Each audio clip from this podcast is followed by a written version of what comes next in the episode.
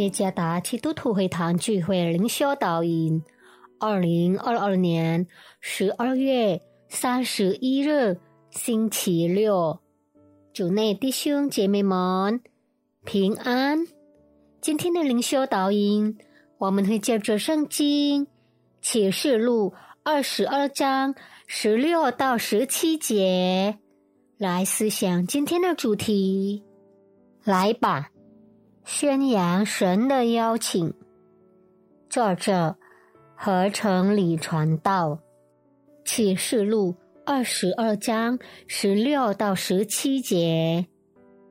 我，耶稣差遣我的使者，为众教会将这些事向你们证明。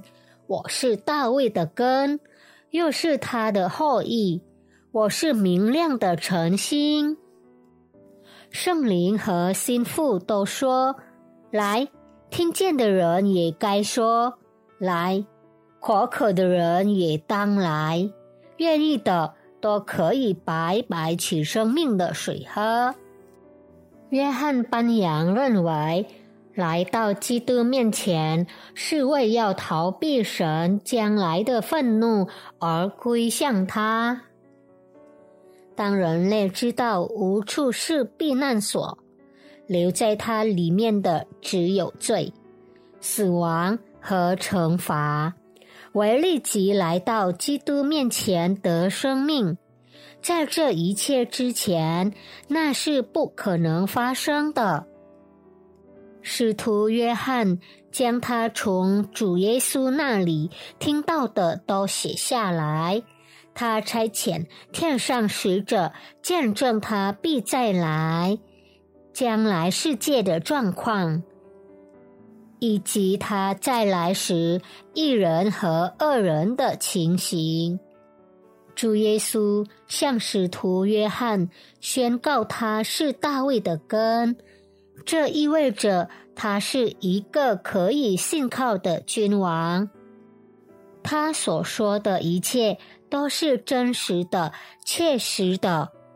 作为万物的创造者，主耶稣在大卫之前已经存在了。但作为人，他是从大卫王的后裔来到这世上。他是万王之王，他掌管天国的钥匙。他自称是明亮的晨星。说明他是世上所有人类的救赎之光。只有主耶稣才能把每一个信徒带进新耶路撒冷，永远享受神的统治。圣灵和心腹就是教会，都发出邀请，邀请地上所有的部落、国家、民族。来到主耶稣面前领受生命之水，因为只有在基督耶稣里，罪恶才能得着赦免，蒙拯救得到完全。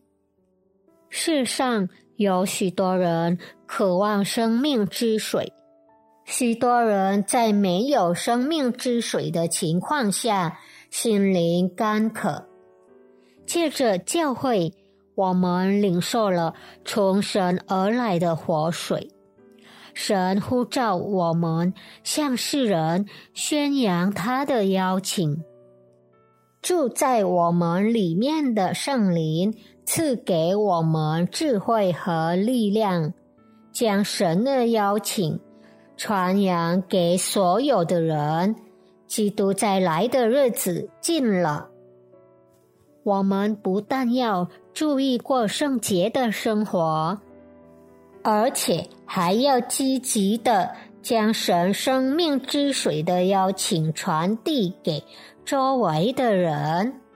踏入二零二二年底，神提醒我们，他必快再来，我们应当警醒准备过圣洁的生活。并将神的邀请传递给四周的人吧，来吧，传扬神的邀请，许多灵魂渴望生命之水。愿上帝赐福大家。